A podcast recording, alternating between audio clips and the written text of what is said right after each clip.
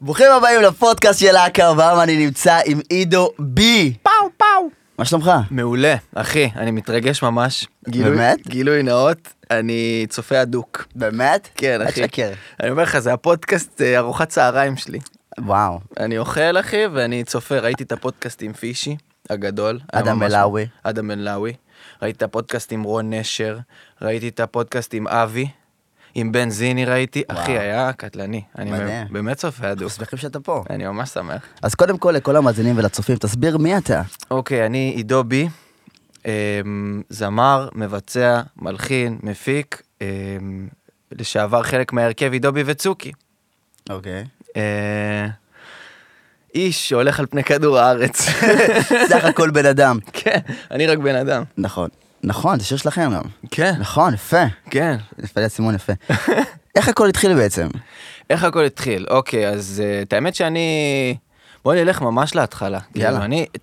זה גם מעניין, כי אני הייתי נכד ראשון, אמ, בן בכור, תמיד כזה עושה הופעות לכל המשפחה, ואיזה כולם מבסוטים עליהם, מוחאים לי כפיים, וזה איפשהו כזה די שרט אותי, למרות שזה גם החלק הטוב בי, שאני עולה על במה אז אני ממש אה, רוצה להפציץ ולשמח את כולם, כן. אבל מצד שני, זה גם להתמכר איפשהו ל- למחיאות כפיים. נכון. כאילו זה כזה, מה, מה קורה כש, כשאין מחיאות כפיים? אז כן. אתה, אז זה כאילו איפשהו התחיל בגיל הזה, בגיל, אה, עם ספרה אחת. ו... ספרה אחת. כן, תשע, שמונה, שבע, שש, איפשהו שמה. איפשהו שם. ואני זוכר שבכיתה ו' היה לי הרכב ראפ עם עוד שלושה חברים, איך קראו לו? for you, for you? שזה מצחיק. וואו, היום זה היה רלוונטי. כן, קראו לנו for you, היינו ארבעה, אני ועוד שלושה, ואת האמת שאם בא לך, אני יכול להשמיע לך איזושהי הקלטה מאותם שנים. וואו.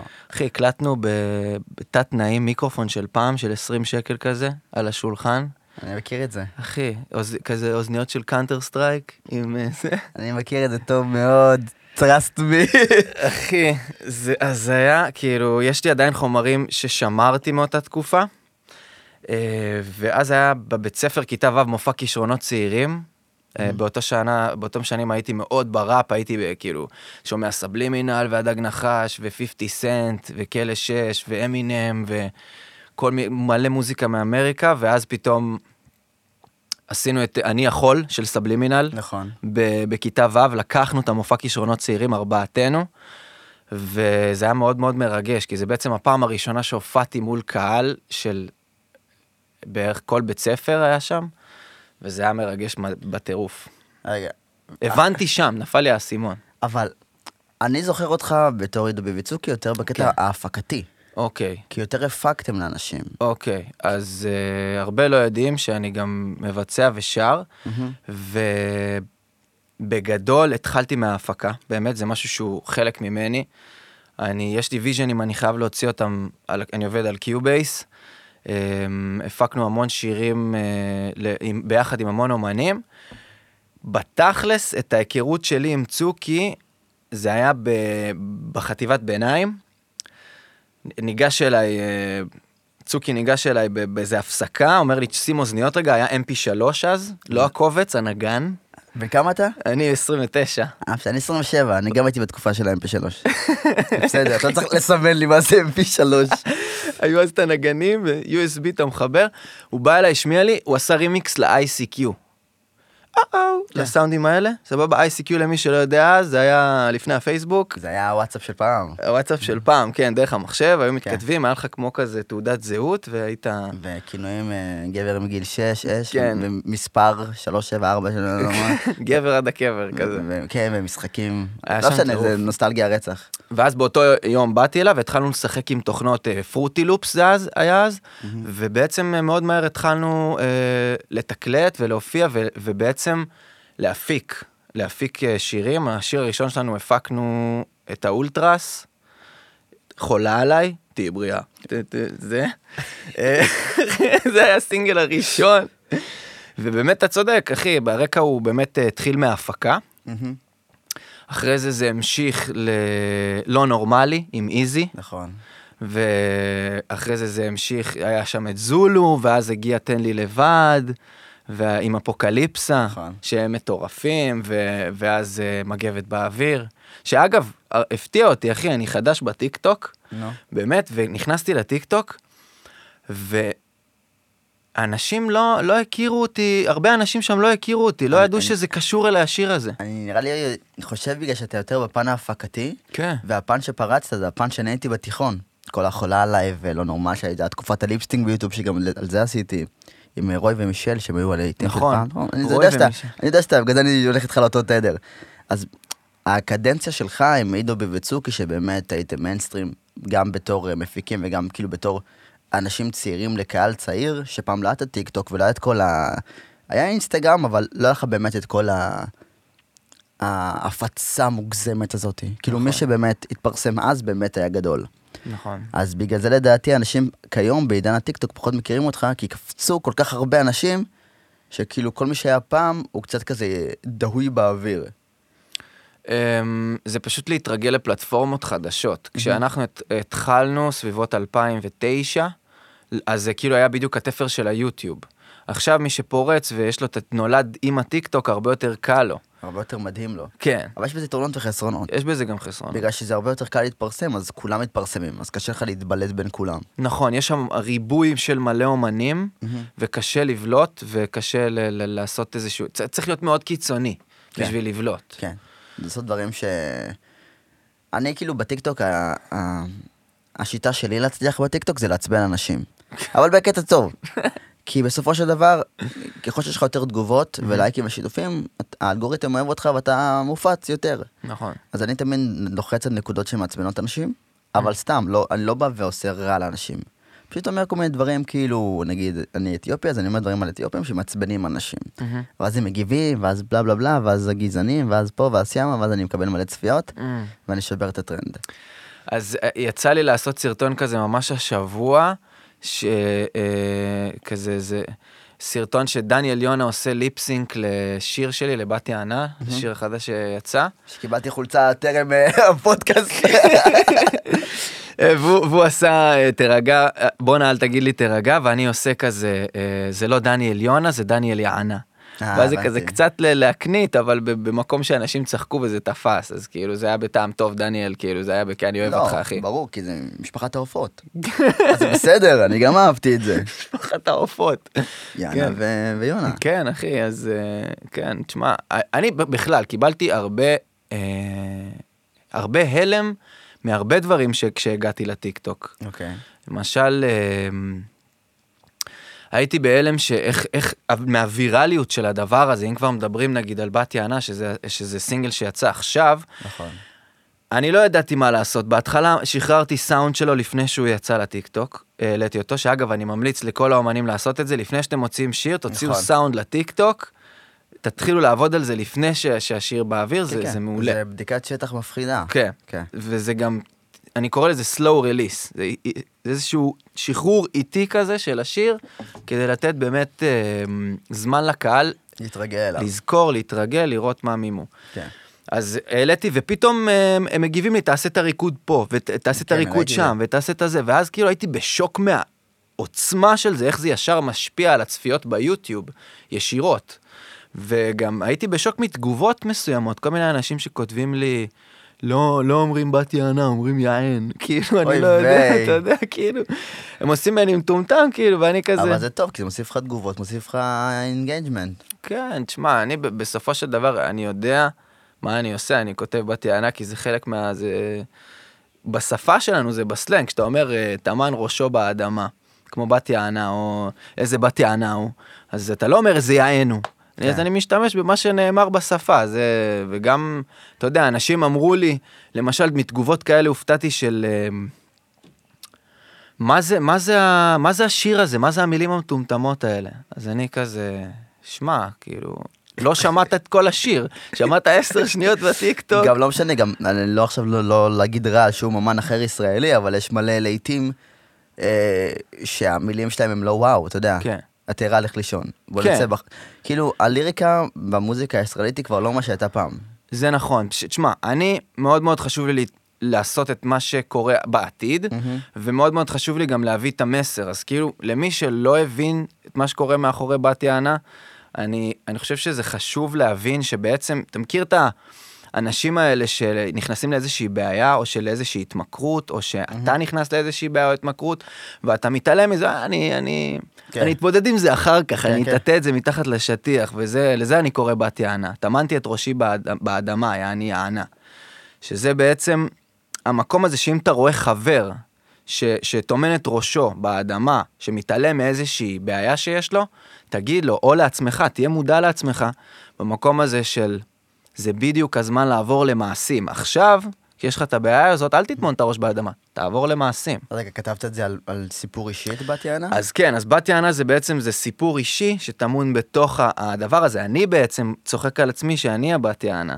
אז אה, זה מין תזכורת לעצמי להתעורר כל פעם כשיש לי איזושהי תקיעות בחיים, לצאת מהאזור הנוחות הזה לפתרון של בעיה. כי הרבה אנשים אומרים, טוב, אני, אני מזניחים את זה, מדחיקים את הבעיות שלהם, וגם אני. אני גם, יש לי לפעמים מקומות שאני מזניח ומדחיק, וזה איזושהי תזכורת של להיזכר ולהתעורר, וגם הרבה מאוד פעמים אנ- אנשים, ואני גם, ביניהם, מסתמכים על המזל. זה לא מספיק רק לבקש מהריסים, הכוונה שמבקשים. משאלה. אז um, הרבה אנשים מסתמכים על המזל ולא עושים מעשים, אלא מחכים ועומדים במקום. אז על זה השיר מדבר בעצם, מדהים. וזה היה חשוב לי להגיד, כי הרבה מאוד אנשים לא הבינו שם את ה- כן, זה העניין. צריך, צריך להסביר ל- ל- לישראלים המון דברים. כן, בוא נחזור טיפה אחורה, אוקיי. לימי עידו בי וצוקי. אוקיי. איך באמת היה, היה, כאילו, באיזה גיל התפרסמתם ממש? באיזה גיל התפרסמנו ממש? אנחנו, לדעתי, זה, זה התפרס על כמה שנים, זאת אומרת, הפריצה שלנו לא הייתה במכה, זה לא הייתה פריצה בן לילה. התחלנו להופיע בגיל 15, אוקיי. והפריצה האמיתית שלנו, לדעתי, הייתה... הייתה גם באזור 16, 17, כבר בתיכון. זה לא כזה רחוק. כן. איך זה באמת להיות צמד אה, מוזיקאים, יוצרים, אמנים, מפיקים, די-ג'אים, שמתפרצים בגיל כזה? קודם כל... כאילו במיוחד עוד בעידן הקודם, כן. לא בעידן של היום. אמ, אני חושב, זה, זה מאוד מפתיע, כי אתה ילד, אתה עושה דברים בתמימות, ואגב, אני מאחל לעצמי לעשות בתמימות לאורך כל החיים, כי זה מה שהוביל אותי בעצם להצלחה הזאת, זה לעשות את הדברים בלי לצפות שיקרה מזה משהו, אז אתה עושה בלי לצפות, ואז קורה משהו מיוחד, קורה איזשהו קסם, מתחילים לזהות אותך בבית ספר, מתחילים כאילו, אתה כיתה, לא יודע מה, י', מתחילים כאילו לבוא אליך ט' או ח' ולהצטלם איתך, אז זה לא היה להצטלם, אז זה היה כזה, אה, זה אתה עם הזה. תוסיף אותי ב-ACQ. כן. אז אה, או שלקאו. נכון. האמת שזה די מזכיר. כן. זה לא קשור בשום צורה, זה לא היה השראה. זה די, די מזכיר, תרשמו לערוץ חברים. אה, אז זה- זה היה מאוד מאוד כיף ומאוד מפתיע, לא ציפינו לזה, ומאוד מאוד מרגש, כי אתה בעצם, אתה בעצם מקבל אה, איזשהו אה, תשבוכות על הדברים שאתה עושה, איזשהו סטמפה, אה, זה כאילו משחק על ההתמכרות לכפיים שדיברתי עליה בהתחלה, שאתה מקבל את הכפיים שאתה מכור אליהם, ואני חושב שאני גם, אתה יודע, עם השנים הבנתי שזה איזושהי בעיה. אז לא הבנתי, אני אמרתי, אוקיי, אדרנלין, פרפרים, זה מה שרציתי, לא, זה זה, מה שקורה. זה בעיה קשה, אה, אני ממליץ לך, אני אמרתי את זה כמה פעמים, תשמע את השיר של ג'ון בליון, Stupid Deep, Stupid Deep. הוא מדבר ממש על הדבר הזה, שכאילו, מה אני אמרתי את זה כל כך הרבה, אבל נגיד את זה שוב בקצרה. השיר מדבר על זה שכביכול, אה, שכאילו המרדף שלו אחרי כל ההצלחה וכל הרעש וכל האהדה, אולי זה למלא פשוט חור עמוק שנמצא לו בלב. אוקיי, זה, כאילו זה שיר ממש טוב, Stupid Deep. Stupid Deep של כן. ג'ון בליון. אתה תראה את הפודקאסט, אתה תשמע את זה. אחי, שמעתי את השם פעם ראשונה בפודקאסט שלך עם אביחי נפתלי, נכון. שזה הזמן להגיד לו תודה שבזכותו אני פה היום. הוא עשה את התיווך, אביחי נפתלי, אין 20 עליך. אחוז אתה תקבל. תראו את הפודקאסט עם אביחי נפתלי, פודקאסט מעניין בטירוף. כן. המון, אה, ג'ון בליון נגיד, אני הכרתי משם. וואו, אחי, יש כן. לך מלא להשלים. יש לי מלא להשלים. מלא להשלים. אבל היום זה ריבוי, אמרנו, מלא אומנים היום. נכון. קשה לעקוב אחרי הכל. נכון. הוא גם ירד לכתיבה ופחות להופעה, אבל הוא לא העיקר פה. כשעשיתם באמת את כל ההפקות שלכם בהתחלה, עד לרגע שבאמת עשיתם את חול הלאה עם האולטרה, שזה השיתוף פעולה הראשון שלכם. כן. איך התחבר, כאילו, העולם שלכם העולם של האולטרס, מי פנה למי, איך הייתה העבודה? אוקיי, אז אמ, מה שקרה שם זה שבעצם אנחנו התחלנו להופיע בגיל 15 במסיבות בתל אביב, של אה, בחור בשם איציק, שאז היה, שהוא הפך להיות המנהל שלנו לימים. והוא תיווך בעצם בין האולטרס, שאז כבר היו אחרי אה, חמקן, פתאום חמקן, הם היו כבר אחרי להיט, לבינינו. ו, ובעצם אה, מה שקרה זה שניסינו לעשות איזשהו שיר, ואני וצוקי כבר הכנו את כל הביט, מהמם. שלחנו אליהם את הביט, הם נדלקו על זה, אז הם היו שלישייה. נכון. אלי, דן וסדריק, נכון. שלושתם היו, והיה מסיבה בגני התערוכה שהופענו, והם הופיעו אחרינו, ושם היה הקליק בעצם, הגענו אליהם לנתניה, ואז היינו חמישה באולפן, הקלטנו את השיר חול, הם הקליטו כבר את, את, את הפזמון, ובעצם הכרנו דרך עולם המסיבות. יפה שהיה את החיבור הזה דרך המסיבות. כן, דרך. הם גם היו מופיעים אז במסיבות וזה, ו... כן, זה נראה לי עיקר הכסף של, של האנשים בהתחלה. כי אנשים פחות פותחים קופות בהתחלה. הם כאילו נשענים על אה, הופעה במסיבה או איזה להתארח איפשהו. נכון, וזה גם חשיפה, כי מגיע קהל נכון. מכל הארץ. נכון, וגם אתה לא אחראי על היחצון של זה, כי זה קהל שגם ככה נמצא שם. נכון, מגיע קהל מכל הארץ, ואתה, ו, ויש לך קצת מכל עיר, מהמם. ואתה יכול גם לבדוק חומרים שעדיין לא יצאו, וגם אה, לחשוף קהל לחומרים שיצאו בעתיד. אוקיי. ומה מה אתה יותר מעדיף? יותר להפיק או יותר לשיר? אז אה, תלוי, אז שאלה טובה, אחי, וואלה, מעולה, הפתעת אותי. אה, זה מתחלק בין תקופות, למשל, אה, כשהייתי בתחילת הדרך עם עידובי וצוקי, העדפתי להפיק ולכתוב, והיום אני שם לב שאני נמצא באיזשהו שלב בקריירה שלי שמאוד מאוד בוער לי לשיר ולבצע גם. זה לא שלא עשיתי את זה בעידובי וצוקי, הרבה לא יודעים שלמשל יש לי אה, ורס במגבת באוויר, או נכון. שאני שר את הפזמון בלא נורמלי, אבל אה, זה היה פחות המיין שלי, זה היה פחות העיקר, הייתי אז אוהב יותר להפיק. היום אני שם לב שאני רוצה, יש בי איזשהו רצון לבצע יותר, ולתת מעצמי איזשהו vision ש... שנבנה אצלי בראש הרבה שנים, שזה לשיר בעצם את הטקסטים שאני כותב. אתה אבל מרגיש אולי שגיל 29 זה גיל שאתה מתחיל פתאום מחדש או מאוחר יחסית? כאילו, כ- כעידו בי, אתה מרגיש כאילו אתה בא עכשיו טיפה יותר מאוחר לעולם הזה, שכל מי שמתפרסם כיום, הטווח גילאים הממוצע שלו זה, זה 20, כן. כאילו. Um, אני מרגיש, קודם כל אני מרגיש שזה פרק חדש בחיים שלי. Um, אני, אני מאוד מאוד מאוד רוצה להצליח בהרבה יותר ממה שהיה עד עכשיו, ואני מאמין ויודע שזה יקרה, בגלל שזה לא תלוי גיל. קח לדוגמה את חנן בן ארי, הוא פרץ גם בגיל מאוד מאוד, בגיל יחסית מאוחר, נגיד בהשוואה לאנה זק, נכון. או למשל את, אמ, כן, אה, חנן, או למשל שלומי שבת, שפרץ גם בגיל מאוחר יחסית לנועה קירל, אוקיי? אני אנסה לחשוב מתי שלומי שבת פרץ. שלומי שבת פרץ בגילאים הוא מאוחרים. היה אצלי בתודעה מאז שנולדתי נראה לי. כן, הפריצה של שלומי למיינסטרים היא, היא פריצה קצת יותר מאוחרת. אני לא חושב שיש גיל של הדברים האלה. לא חושב שיש גיל ש, שמפריע ל... זה שלך. דעלי מיין.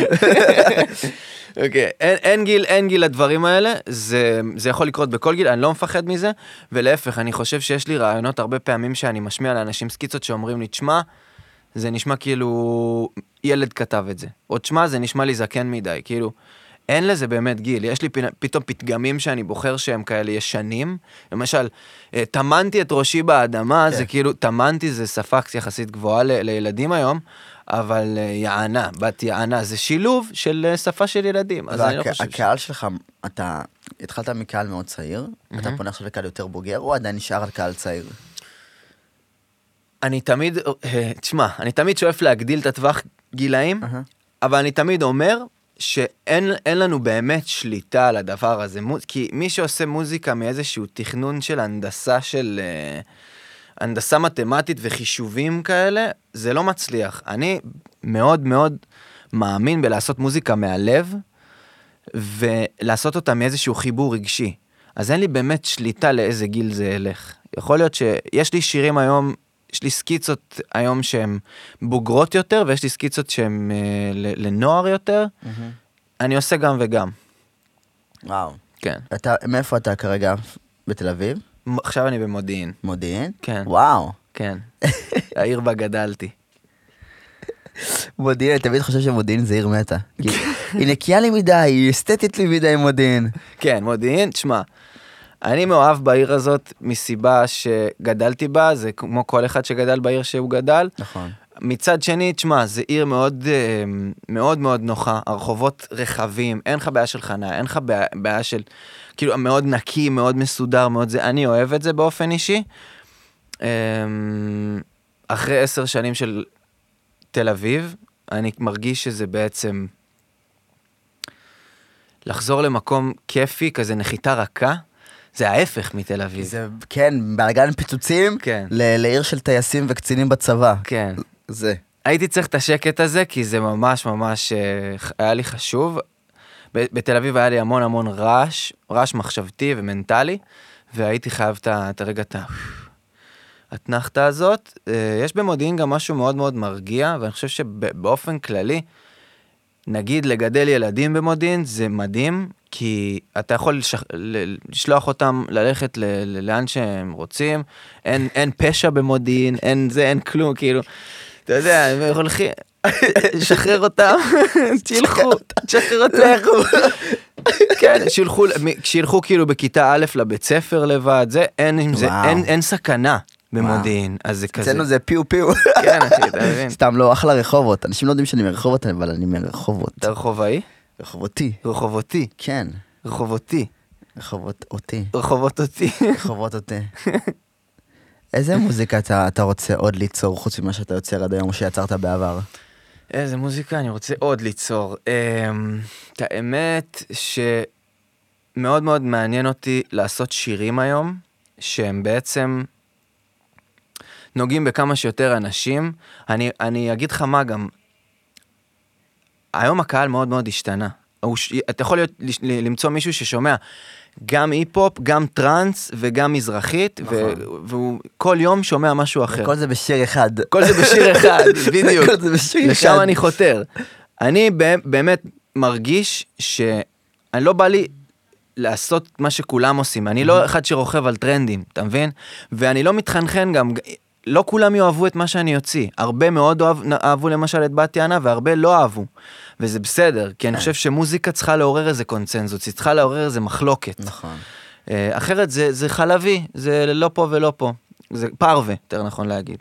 ו... אז, אז כל שיר שהולך לצאת לי בקרוב, זה סגנון שונה מהשני, עולם ומלואו. אתן אתן לך דוגמה, עכשיו אני עובד למשל על שיר שהוא אה, טכנו בעברית.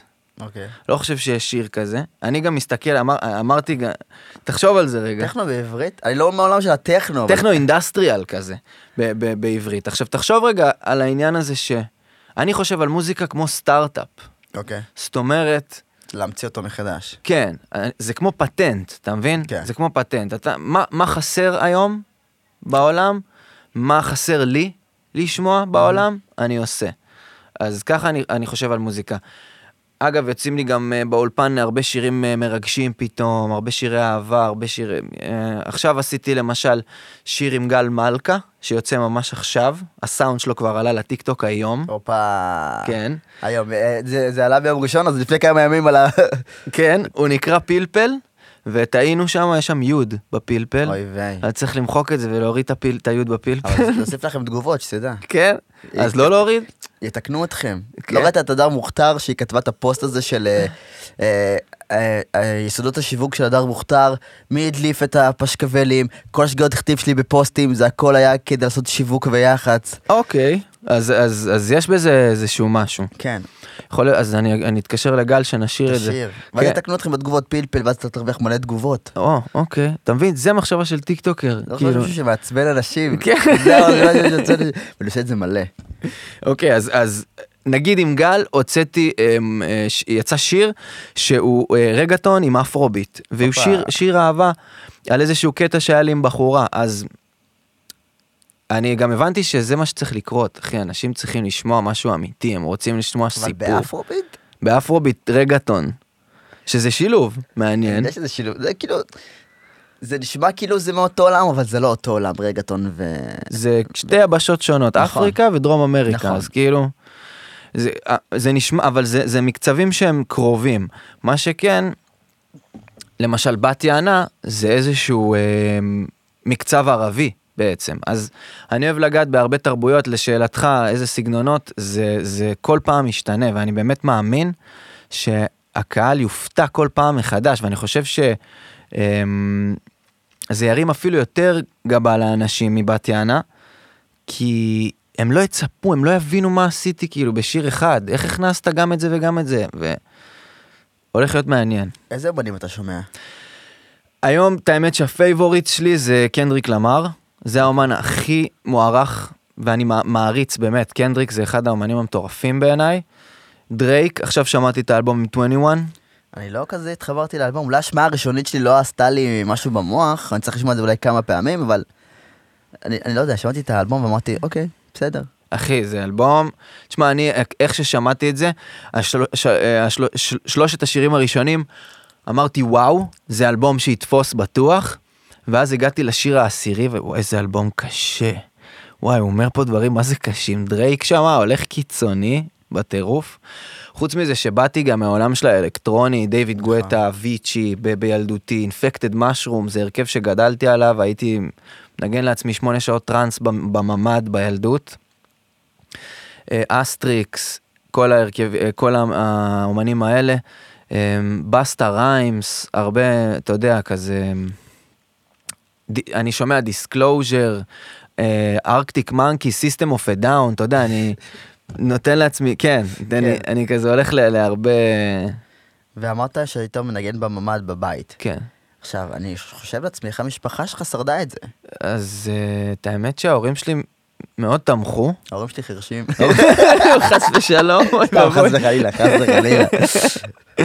לא, אבל הם, אה, הם באמת אה, הורים מאוד מאוד תומכים, וזה משהו שהיה לי, לי מדהים. למשל, אני כשהייתי בן אה, 13 התחלתי לעשות מסיבות ביתיות אוקיי. בכל מיני מקומות במודיעין. ומחלק את הכרטיס ביקור שלי, אז היה כרטיס ביקור, חבר'ה, עם פלייר כזה. אז אבא שלי היה סוחב על הגב, בתקופה בלי מעלית, וואו. את כל הציוד, מרכיב, אני מתקלט במסיבה 4-5 שעות, מרקיד אותם בומבה לטינוס, אבא שלי חוזר, מעמיס על הגב, מחזיר לאוטו, אז אבא ואימא, תודה שתמכתם בי, אין, על, אין עליכם. אני- אני עושה את כל זה לבד, סוחב על הגב. אבא ואמא, תודה. אה, אז זהו, אז, אז הם תמכו, והעניין שאני תמיד הייתי בממ"ד, עברנו מלא דירות וכל מיני זה, תמיד אתה בממ"ד. תמיד אני הייתי בממ"ד, סוגר את הדלת, זה, נועל נעילה כפולה ונותן בטירוף. היה לי רמקול מוגבר, רמקול של מועדון בממ"ד. ענק כזה, כן. כן, יש את ה... וואו. אוקיי, אוקיי. ואיך, כאילו, שאתה אמרת בהתחלה שהייתם מפיקים עם, אה, ומקליטים עם מיקרופון ואוזניות של... אה, שגם אני הייתי עושה דבר כזה. אני פרוטי לופס, אני גם התחלתי ממוזיקה, לא משנה. רוצה אני אשמיע לך את בוא ההקלטה? תשמיע, תשמיע. תשמע, אם אין לי copyright הכל טוב. אחי, זה לא שוחרר אף פעם, זה unreleased מכיתה ו'. וואו, זה מדהים שיש לך את זה עדיין. אני אומר לך, תשמע, זה, גם כאילו כזה type beat אה, של משהו כזה ביוטיוב, אולי ביט, לא, זה אפילו instrumental של שיר קיים. נראה לי משהו של נאז כזה. כן, זה נשמע ארטקור. אתה מקליט את זה טוב? מקסימום אני אוסיף. של הבן אדם חרוט לא על הלב, יש הרבה מקומות, זה חמוד. קשה למצוא מקום שלב, אלף אנשים חוצים את הכביש ביום, אלף טונות שנאה, מיליוני טונות של חום באוויר, מילים שנמסות, נהרות שהופכים לביצות, כניסות שהופכות ליציאות, כיתה ואהבה. אני אוהב את הראפ הגנגסטה, אבל עם הקול. הילדותי. ממודיעין. ימאללה, אני אירה בך, פיו פיו, אל תעסק איתי. אתה מבין, אחי? כן. ואז חוזר לעשות שיעורי בית. איפה נראה אותך עוד עשר שנים? איפה נראה אותי עוד עשר שנים? אה, אני ממש אשמח גם לשחק בטלוויזיה, בנוסף למוזיקה. וואו. אה, יש לי כזה רקע של מגמת תיאטרון, אוקיי. וזה חלום שלי לעשות אה, משחק, גם איזושהי סדרה או איזשהו סרט או, או תיאטרון גם. אני ממש אחתור לזה בעשר שנים הבאות. מוזיקה, המון המון מוזיקה חדשה. מאוד מאוד מקווה ומאמין שאני אפתח קופות בכל מיני מקומות ואפתח אה, הופעות במקומות אה, קטנים וגדולים. שם אתם תראו אותי. אה, ואני משאיר עוד אה, 20-30 אחוז, לא יודע, משאיר איזה אופציה לדברים שאני לא יודע מה שיקרו, שדברים, כן. כן, אתה יודע, הפתעות. אמרת שאתה רוצה לפתוח קופות, כן. ועכשיו זה שוב שאלה ששאלתי גם את אביחי. כי פעם היית- הייתה כאילו עם דובי וצוקי, היה לך מלא קהל, קהל שמגיע שמכיר אתכם. ופתאום עכשיו לבוא לבד, זה כאילו... זה... אה, מה מה החששות שלך, מה ההרגשות שלך לגבי זה, כאילו פתאום אתה פותח קופה כעידו ולא כעידו ביבי צוקי. מהמם. אמ, קודם כל, זו דרך שאני צריך לעבור. אני לא רוצה לקפוץ מעל הפופיק ולעשות את זה עכשיו, למרות שזה מפתה, כדי לראות מה האומדן של מה אני יכול להביא, אבל אני חושב שזו דרך. אז יש פחד, ב- ב- יש פחד במקום כזה של uh, מתי לעשות את זה, בטיימינג, אני לבד על הבמה, לא. אני ממש שוקל uh, לחיוב, ואני יודע שזה יקרה מתישהו שאני אעלה עם נגנים. לא בהכרח הנגנים הקונבנציונליים של גיטרה, תופים, בס. אלא יכול להיות שיהיו גם אה, כל מיני ניגונים יותר אה, עתיד, עתידניים כאלה. אמ, יש לי חזון רחוק לעשות משהו שהוא יותר הצגה שמשולבת עם? מוזיקה, לא יותר בכיוון של סטרומאה. אוקיי. אם אתה מכיר את סטרומאה, ושראית הופעה, כן, יוטיוב אפילו, כן. הוא נכנס לכל מיני דמויות, הוא עושה כל מיני... הוא ממחיז את המוזיקה שלו. סטרומאי זה אמן גדול ועמוק, כן. ממש. אז זה משהו שהוא מאוד, אני- מאוד מביא לי השראה סטרומאה. זה משהו שיעניין אותי לעשות, שלא להשאיר את זה מיקרופון אני וקהל, אלא לגדול לעוד אה, משתתפים על הבמה. לתת פשוט חבילה שלמה כן, לקהל. כן. זה יכול להיות שכבר בשלב מוקדם יותר, לפני פתיחת הקופות יגיע. אה, יום עצמאות, דברים אה, כאלה, אוקיי. שאני כבר אה, ממש שוקל לעשות מופע נגנים. ב- בודק את האופציות, עם מי, איך, מה, האם יכול- זה הזמן, יכול להיות שצריך עוד קצת שירים. כן, א' נראה לי צריך יותר עוד שירים שירים. כסולו, כדי באמת להחזיק לבד ולא כל שנייה להביא מישהו איתך, כן. שהקהל יתרגל אליך. וגם, אה, שוב, שם, כאילו אמרת כלים עתידניים, מה זה אומר? כי, כי לרוב אם אתה עושה מוזיקה אלקטרונית, אז פחות אה, יש לך צלילים כאלה, חוץ מעל המחשב. נכון. אז אה, היום יש כל מיני, קודם כל אני מנגן על דיג'רידו, שזה כלי אין לי מהעבר. מושג מה זה. אחי, זה כלי, כזה צינור כזה ש, של אבוריג'ינים, של אה, כאלה ילידים של אוסטרליה, אוקיי. שהוא משמיע סאונד כזה מאוד עמוק ונמוך, באסי כזה, אה, זה, אוקיי. אוקיי, מנגן על זה, ואני עליתי על זה, עליתי עם זה פעם אחת להופיע, והקהל נגנב, אז זה משהו שאני רוצה להביא. חוץ מזה, יש דברים אלקטרונים היום, כמו keytar, שזה קלידים עם... אה, אתה מדבר איתי סינית. אוקיי, זה קלידים שהם גיטרה. אה, לא מכיר את זה. keytar, קלידים שהם גיטרה, אה, אתה יכול הבנתי. להכניס כל סאונד שאתה רוצה לתוך הדבר הזה. זה MIDI, זה בעצם, זה, זה בעצם סינתסייזר, אתה כן, יכול כן. להכניס לזה, לא סינתסייזר, אבל זה MIDI, אתה יכול להכניס לזה מקלדת שליטה, אתה יכול להכניס לזה כל סאונד שאתה רוצה, ואז הנגן שלך יכול לנגן אלף סאונדים במופע.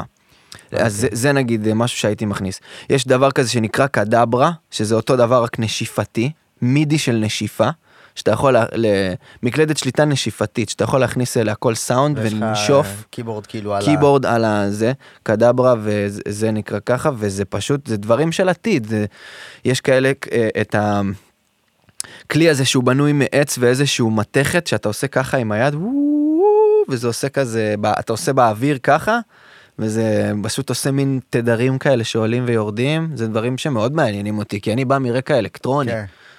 זה דברים כאלה, כאילו מופע ביזארי כזה. לא לעשן בהופעות של עידו בי בבקשה לא לעשן. תיכנסו- לטריפ. כן, כזה וואו וואו מה קורה פה. איזה איזה מטורף זה. כלים של העתיד. כן. ומה התחושות שלך לגבי אה, אתה כעצמך בתוך הז'אנר הזה? כי עכשיו אתה בא ואתה כביכול מוציא סוג של סטארט-אפ, משהו שלא היה, כ- כמוזיקה שלך עם עצמך. איפה, איפה אתה חושב שאתה ממוקם, איפה אתה רוצה למקם את עצמך אה, בעולם המוזיקה הישראלי? אמ, קודם כל, אני לא אוהב תיוגים ותוויות וז'אנרים, אני אוהב כזה לשבור את הגבולות ולצאת. אני חושב שהמקום, המיקום שלי, למשל, למה אמרתי טונה? כי טונה, יש לו את ה... אין לו ז'אנר, הוא טונה. כן. הוא כבר ממש יצר לעצמו עולם משלו, וכשהוא מופיע הוא מכניס את האנשים לתוך העולם שלו, אז ככה אני, אני ארצה לעשות. אני עכשיו, בזמן שאנחנו מדברים, אני בונה את כל העולם הזה בעצם, יש לי איזה 15-20 סקיצות, חלק גמורות, חלק לא. מהמם. שהם מלא ז'אנרים שונים. אז לא, לא תוכל לתייג אותי בתור זמר אה, פופ או זמר ראפ כן. או זה, כי הרבה פעמים האנשים אומרים, רגע, הוא לא ראפר? כן, אני עושה גם ראפ. אה, לא רק, ואז זה, זה נותן לה, זה פותח לקהל יותר רחב. אז אה, אתה תוכל לתייג אותי בתור אחד שעושה מוזיקה שמכניסה לעולם שלו, בעצם. שאני אני מתכוון לבן אדם שיש לו איזשהו חלום מסוים שהוא מכניס את הקהל לתוך החלום הזה, אבל אי אפשר לקרוא לזה בשם, כי זה עידו, זה סטרומאה, אתה אוקיי. מבין? זה כאילו, אי אפשר להגיד מה זה, זה סטרומאה, זה ז'אנר של, של, שהוא פיתח. זה מה שאני עובד עליו עכשיו, לפתח ז'אנר. כשאתה עובד על המוזיקה שלך, אתה גם מפיק את עצמך וגם מקליט את עצמך, אני מניח. אז עכשיו אני עובד עם שני חבר'ה מאוד מאוד מוכשרים, די.ג'יי ג'ובי ועמרי דדון. אחלה ג'ובי ואחלה דאדון. אחלה ג'ובי ואחלה כן. דדון. אמ, שאני בעצם אה, יוצר איזושהי סקיצה. אמ, סקיצה ראשונית נגיד עם בת יענה אז יצרתי את הפזמון ואת הביט הם עפו על זה היה דקה. ואז הבאתי את זה אליהם הם אמרו טוב אנחנו נפ... נ... כאילו אנחנו נגרום לזה ל- להיות אה, big. נכנסנו שלושתנו לאולפן לקח איזה אה, שלושה חודשים והפכנו את זה לשיר שלם.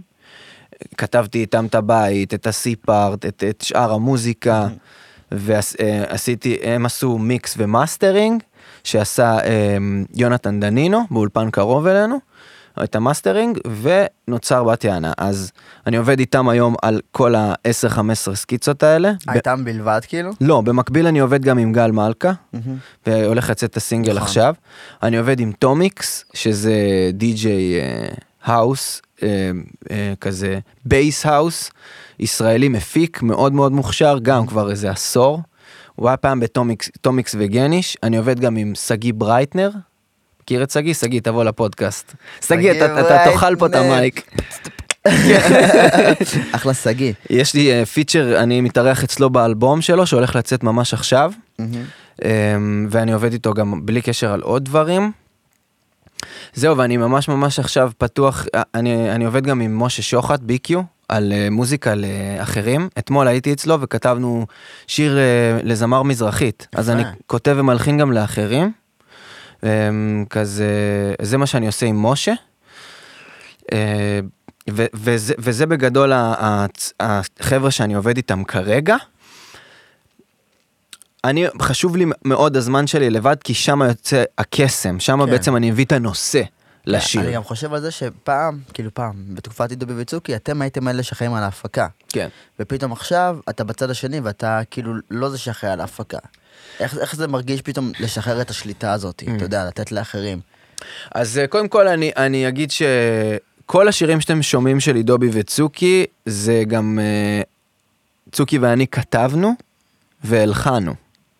אה, זה לא רק ההפקה, זה גם הכתיבה, ואין אין שיר שלא, שלא עשינו בו אה, פזמון או ורס או משהו כזה. היום זה אחרת כי, תשמע, גם בעידובי וצוקי היו לי שירים שהם רק אני, אבל אני, אני רגיל לזה, אני מגיל קטן, אמרתי לך, מכיתה ו' הייתי עושה ראפ, נכון. הייתי כותב ורסים, ואני חושב שזה המקום הנוח בשבילי, אין, אין שם הפתעות, זה מקום שאני יכול לשבת ארבע שעות רק על ורס, לנסות לפצח איזשהו פאנץ', למחוק, לכתוב, למחוק, לכתוב, לא להיות מרוצה, לסיים את זה אחרי זה, ללכת עם זה לג'ובי ודדון, ואז אומרים לי, תשמע, מה זה הדבר הזה? כאילו, תחליף את זה, כאילו. זרוק לפח. אבל ישבתי על זה 12 שעות אתמול, כאילו, מה? זה טוב שיש לך ביקורת מוקדמת, עדיף 12 שעות מאשר שבועיים, אחי. מאשר לסיים את השיר ואז להגיד לך תגנוז. כן, נכון. היה לכם גם קטע שניסיתם להיות בינלאומיים, עד כמה שאני זוכר, פתחתם כאילו ערוץ חדש עם שם חדש נכון. וניסיתם. היה לנו תקופת ספיידר אייג', שזה היה הרכב אה, שמשלב כזה drum and bass עם רוק, משהו כזה אמריקאי. אה, ניסינו, ה- הסינגל, אגב, הסינגל הראשון שלנו, ספיידר אייג', The ספיידר אייג', כי השיר, זה היה... עד היום, אחי, יש לזה תמלוגים, זאת אומרת, הבנתי את הכוח של, של ספוטיפיי בתמלוגים, שזה בעצם, זה נכנס למלא פלייליסטים בחו"ל. נכון, זה היופי. כשאתה עושה מוזיקה באנגלית, יכול להיות שלך, כאילו, זה יביא לך מלא, מלא האזנות מחו"ל, וזה מתגלגל. אוקיי. הקנה מידה בארץ, כאילו, זה אפסי לעומת מה שקורה שם, זה 0.0. אז זה, זה כן התחיל להצליח, אבל מהר מאוד הבנו שאנחנו מנסים ל... תשמע, הבנתי שאנחנו, שאנחנו מנסים לתפוס שתי ציפורים במכה. ולהשקיע המון בספיידר אייג' יזניח את עידובי וצוקי. ואם היינו אנונימיים, זה היה יותר קל. למשל, דניס לויד, שפרץ מאפס למאה, ל- ל- ל- למפורסם בקנה מידה, הוא לא פרץ בארץ ואז בחו"ל, הוא ישר פרץ בחו"ל. נכון. זה יותר קל. אה, אנחנו לא רצינו לוותר על מה שהיה לנו כאן, אז הרגשנו שאנחנו מתפזרים מדי, אז uh, התמקדנו שוב בעידו בי וצוקי, כדי לא להזניח את, את הקהל שכאן. אבל בסוף זה נפסק. מה? עידו וצוקי. נכון. אז למה לא המשכתם ב Spider Age? כי, אה, למה- תשמע, Spider Age הופסק ב... בשלב, אה, אני חושב, 2018, 2019. עידו וצוקי התפר... התפרקנו עכשיו, במאי האחרון, אז בעצם עברו שלוש שנים, זה- הסיבות הן שונות, כן. בעצם אין קשר בין ה... זה לא, זה לא, לא, לא התפרקנו בגלל שרצינו לעשות משהו ב, באנגלית. זה, זה, זה עכשיו, אה, אתה נכנס איתי לנדבך הזה, זה, זה סיפור בפני עצמו. או, ניכנס או לא? אתה רוצה שניכנס? האם אתה מרגיש מספיק בנוח להיכנס? אנחנו יכולים להיכנס. מדהים. אז למה בעצם התפרקתם? אם כבר באתי, אז אנחנו נדבר. עד הסוף. אה, אוקיי, אני אקח נשימה עמוקה. בסדר. תשמע, כן. קודם כל, אני וצוקי גדלנו יחד באותה שכונה, אוקיי. באותה כיתה, באותו בית ספר. במשך 14 שנה עשינו מוזיקה עם מלא אומנים מטורפים במדינה. אחי, אנחנו אכלנו מאותה צלחת, גדלנו ביחד, באמת, אני אוהב אותו מאוד מאוד, הוא חבר טוב שלי, הוא חבר ילדות שלי. ובעצם, הנה, אתה שומע, הקול שלי רועד, אני רק מדבר על זה, אחי, אני כאילו מתרגש. אז, אה, אז בעצם הוא חבר ילדות, ובאיזשהו שלב, אנשים מתבגרים, ואנשים מתפתחים, ואנחנו לא, לא אותם ילדים שהיינו אז. והרגשתי שהגעתי לאיזשהו מיצוי מקצועי. אוקיי. איזשהו מצב שמיציתי, וכמו שדיברנו על בת יענה, לצאת מהקומפורט זון, הרגשתי שאני צריך לזוז קצת, כדי לייצר לעצמי מוזיקה חדשה, מוטיבציה חדשה, השראה חדשה, לשנות סביבה פשוט. כן, לשנות סביבה. ואני מרגיש, קודם כל, אני וצוקי למדנו אחד מהשני המון במהלך השנים, ברור. והרמנו אחד את השני, והמיצוי הזה אני חושב שהוא בריא, כי בסופו של דבר, אני מאמין ש... אני מאמין שאומן שרוצה להתפתח, צריך כל הזמן להשתנות. אומן שנשאר אותו דבר, הוא בעצם כבר נחלת העבר. הוא לא, הוא לא מחדש את עצמו, הוא לא מתפתח. אבל לפעמים יש אומנים שמנסים לחדש את עצמם, ואז הם סוטים לגמרי ממי שהם, והורסים לעצמם את התדמית לגמרי. אה, יש אומנים ש, שסוטים, ו, ונכון, יש את הדברים האלה, אמ, ויש גם להפך, למשל ביונסה, ניקח אותה כדוגמה. היא, יצ- היא יצאה מהדסטיניס צ'יילד, נכון. ובדסטיניס צ'יילד היא הגיעה לסוג, למיצוי בפוטנציאל שלה, נגיד אה, ב- ב- באחוז מסוים, אבל לא למאה אחוז, לא למקסימום, היא לא הגיעה. וברגע שהיא הפכה לביונסה, שהיא יצאה לקריירת סולו הזאת, אז זה גרם בעצם לפוטנציאל שלה אה, להיות, אה, למצות, היא גרם לה למצות את הפוטנציאל לא ב-100%, ב-200%. אבל זה סוג של הימור, כאילו, יש כאלה שבאמת יוצאים מצמדים, והולכים להיות כאילו ביג כמו ביונסה, נכון. ויש כמה שצמדים או טריו זה כאילו זה מי שהם, נגיד סטטיק ומנהל ביחד הם היו כוח מאוד חזק. אבל עכשיו שכל אחד מהם יוציא שיר, אני לא מאמין שזה יהיה באותו סדר גודל, אם כן מבורך, כן, אין לי שום דבר רע איתם. או למשל האולטרס, שפתאום עכשיו כל אחד מנסה לעשות בעצמו מוזיקה, והוא מנסה, אתה יודע, איכשהו לגבור על אותו הייפ שהיה לו. אז אם אתה יוצא עכשיו מצמד, או מטריו, או מלהקה מסוימת, אז אתה לוקח בחשבון סיכון מאוד גדול ש... שאתה יכול ליפול מזה. נכון. כמו שאני רואה את זה. נכון, תשמע, אני מאמין בעצמי. אני יודע שמה שאני עושה, וגם אפשר לראות את זה נגיד בבת יענה, שעכשיו חצי מדינה עכשיו עם התירגע תירגע ועם כל הזה,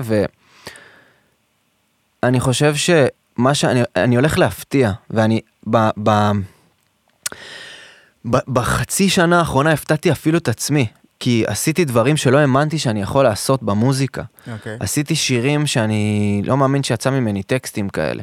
אז אני כבר, אני עושה מוזיקה קודם כל בשביל לשמח אנשים, לגרום להם לאקסטזה, ובשביל עצמי, שאני, מ- מ- להוציא מעצמי את כל הרגשות, לבטא את כל, את כל הדברים, לא לשמור אותם אצלי. אז אני לא מפחד מזה. אני לא מפחד מכישלונות, להפך, אני חושב שכישלונות זה דבר שבונה נכון. זה דבר שהוא הכרחי בהצלחה. מסי הוא בועט לשער הכי הרבה פעמים, הוא, הוא גם מחטיא הכי הרבה פעמים, נכון. אבל הוא גם מפקיע הכי הרבה זה פעמים. יותר סיכון. כן. אתה מבין? זה, זה, זה ההשוואה שאני עושה. אתה צריך לבעוט לשער מלא מלא פעמים וגם להחטיא וגם להפקיע, וכמה שיותר לנסות. אני לא מפחד מזה. אני חושב שאני באופן אישי אוהב לאתגר את עצמי.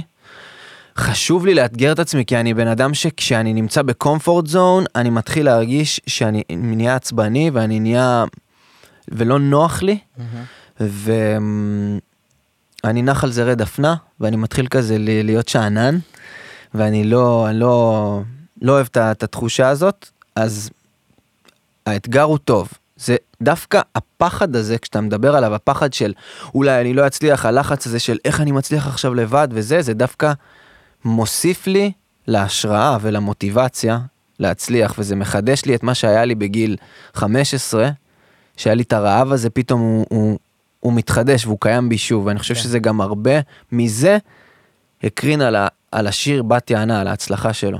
כן, אבל אותו דבר גם יכול להפיל אנשים. אנשים יכולים לפחד להגיד, טוב, אז אני לא רוצה לנסות, חבל לי לקחתי את הסיכון הזה. אתה מבין?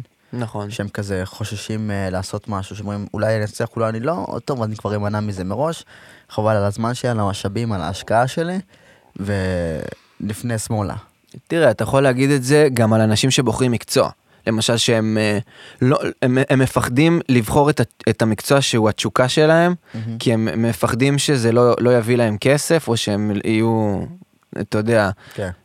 ו, וזה, וזה בסופו של דבר אחרי שאתה עובר חיים שלמים בלי לעבוד בתשוקה שלך, בלי לעשות את מה שאתה באמת אוהב, אז אתה מסתכל אחורה ואתה אומר, איפה היו החיים שלי? אתה מתאכזב, אתה, וכשאתה עושה את מה שאתה אוהב כל יום, אתה עושה את, ה, את הדבר הזה שאתה הכי אוהב בעולם, ואתה גם על הדרך מתפרנס ממנו, אז אתה בעצם לא מסתכל אחורה, אתה קם כל יום בפשן כזה מטורף, שכל מה שעשית אתה אומר, איזה מדהימים החיים שלי, שאני עושה את מה שאני אוהב, ואני הולך אחרי החלומות שלי ואני מגשים אותם. והפחד הזה, זה עוצר הרבה אנשים, כי ברגע שאתה מונע מפחד, אז, אז אתה מת, הולך אחורה, אתה בעצם אה, מת מהלך, אני קורא לזה, כשאתה מונע מפחד. וכשאתה מונע מתשוקה ומאהבה, אז אתה יכול לעשות הכל. וזה גם מסר אליכם, לכו אחרי התשוקות שלכם, לכו אחרי הלב שלכם, הוא יודע את הדרך. איזה סיומת יפה של... אה, היה לי מדהים. כן? כן. מה, הגענו לסוף? כן. יש לך עוד משהו להוסיף שפספסתי? וואי, וואי, וואי. אחי, קודם כל היה לי מדהים. אני רוצה לראות אותך ומאחל לך בעזרת השם שתהיה בטלוויזיה עם פינה משלך. אני קופץ מעל הפופיק, אני, אני לא מנומס. אני, לא, אתה יכול להגיד דברים כאלה. אני רוצה, אני ממש רוצה, אחי, שתדע לך, שזה, אני ראיתי שעות של פודקאסטים שלך, וזה מעניין, וזה מרתק, ורק השיחה הזאת זה משהו שמלא אנשים מחכים לו, וזה פודקאסט אוכל שלי, תכתבו פה למעלה, למטה בתגובות מה אתם אוכלים תוך כדי. אני צופה תוך כדי שאני אוכל בקלאווה. ואני ממש מקווה שיר- שאיזה ערוץ יראה את זה, וייתן לך את הפינה שלך. לא, המון המון זה פרוטקציות וכסף וקומבינות ומעטפות מתחת לשולחן. כמו אצלנו. כן, אז אני לא אגיע לטלוויזיה אף פעם. אבל אה, לכוס, לספל, אבל לספל... אני הגעתי. הגעתי, 50 שקל כל כוס, עקצו אותי. תודה רבה לך עידובי. תודה רבה לך, שלומי. לפודקאסט שלי, שכיבדת אותנו בנוכחותך. תודה רבה למרצ'נדייז. אחי, זה שלך, מדהים. תן בראש. אני אתן בראש של בת יענה. תן בראש של בת יענה. תמונת ראשים. אם, אם אתם רוצים, אז יש אה, 60 כאלה בדרך, מי. שרוצה שידבר איתי. התלבטתי אם כן להוציא, אם לא להוציא, אמרתי, יאללה, הגיבו. לי, אני הולך אני להוציא. גם, אני מוציא 100 חולצות merchandise, אני אתן לך אחת, אל תדאג, אני אתן לך אחת. לכו תשמעו את השיר בת יענה, לכו תעקבו אחרי הערוץ שלך, אחרי הפלטפורמות שלך, בספוטיפיי, באפל, באינסטגרם, בטיק טוק. תעשו subscribe לערוץ שלי, אתם לא חייבים לעקוב אחרי באינסטגרם, כי אני מעלה רק סרטוני אוכל שאני אוכל בחינם. כמו כוכב ממוצע. ואנחנו. נתראה בפרק הבא, תגיבו, תעשו לייק ושתפו את הפרק הזה. ושוב, תודה רבה. אמן. Peace. Nice. גדול, אחי.